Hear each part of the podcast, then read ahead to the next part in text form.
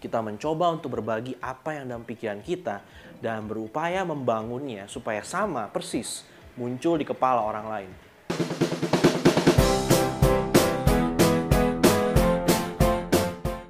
Halo semuanya, ketemu dengan Ariel di sini dan kita akan membahas satu hal penting yang orang sering anggap remeh, yaitu komunikasi. Nah, tapi sebelumnya, mari kita pahami dulu apa yang dimaksud dengan komunikasi. Nah, komunikasi berasal dari kata Latin yaitu komunikari dan komunis. Jangan berpikir yang seram-seram dulu. Arti sesungguhnya adalah bagaimana membuat sesuatu menjadi sama atau berbagi Nah, bukankah itu yang kita lakukan sewaktu kita berkomunikasi? Kita mencoba untuk berbagi apa yang dalam pikiran kita dan berupaya membangunnya supaya sama persis muncul di kepala orang lain. Kalau sampai kita bisa membangun sesuatu yang sama persis di kepala lawan bicara kita, maka kita mencapai namanya keefektifan. Semakin sama pandangan kita, semakin efektif komunikasi kita.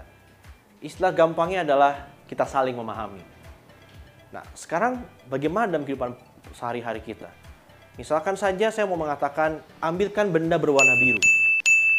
Mungkin di antara Anda ada yang langsung berpikir, oke, okay, warna biru, apa susahnya?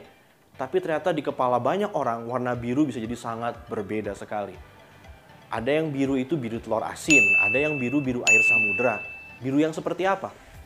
Nah, di situ letak komunikasi bagaimana kita membangunnya di kepala lawan bicara kita supaya biru di kepala kita muncul sama persis di kepala mereka.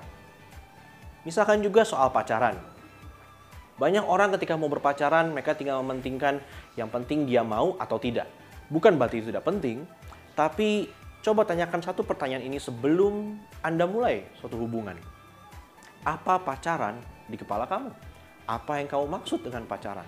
Sebab ada orang yang memandang berpacaran adalah, oh ya nonton bareng, jalan bareng.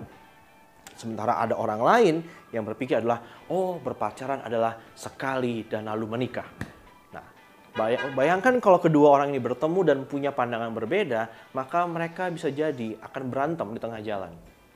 Tapi bayangkan bila dua orang ini mau berbicara dulu, mau menyamakan persepsi terlebih dahulu mengenai apa itu pacaran atau apa pun dalam hidup mereka, maka mereka bisa meminimalisasi konflik, perbedaan pendapat, karena mereka sudah membangunnya sama di kepala mereka masing-masing.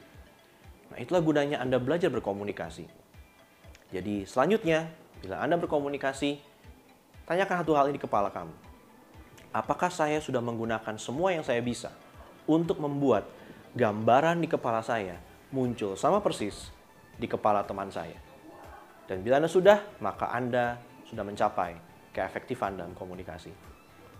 Nantikan konten-konten berikutnya tentang komunikasi yang mungkin bisa sangat membantu Anda dalam hidup Anda. So, untuk hari ini, sampai jumpa lagi.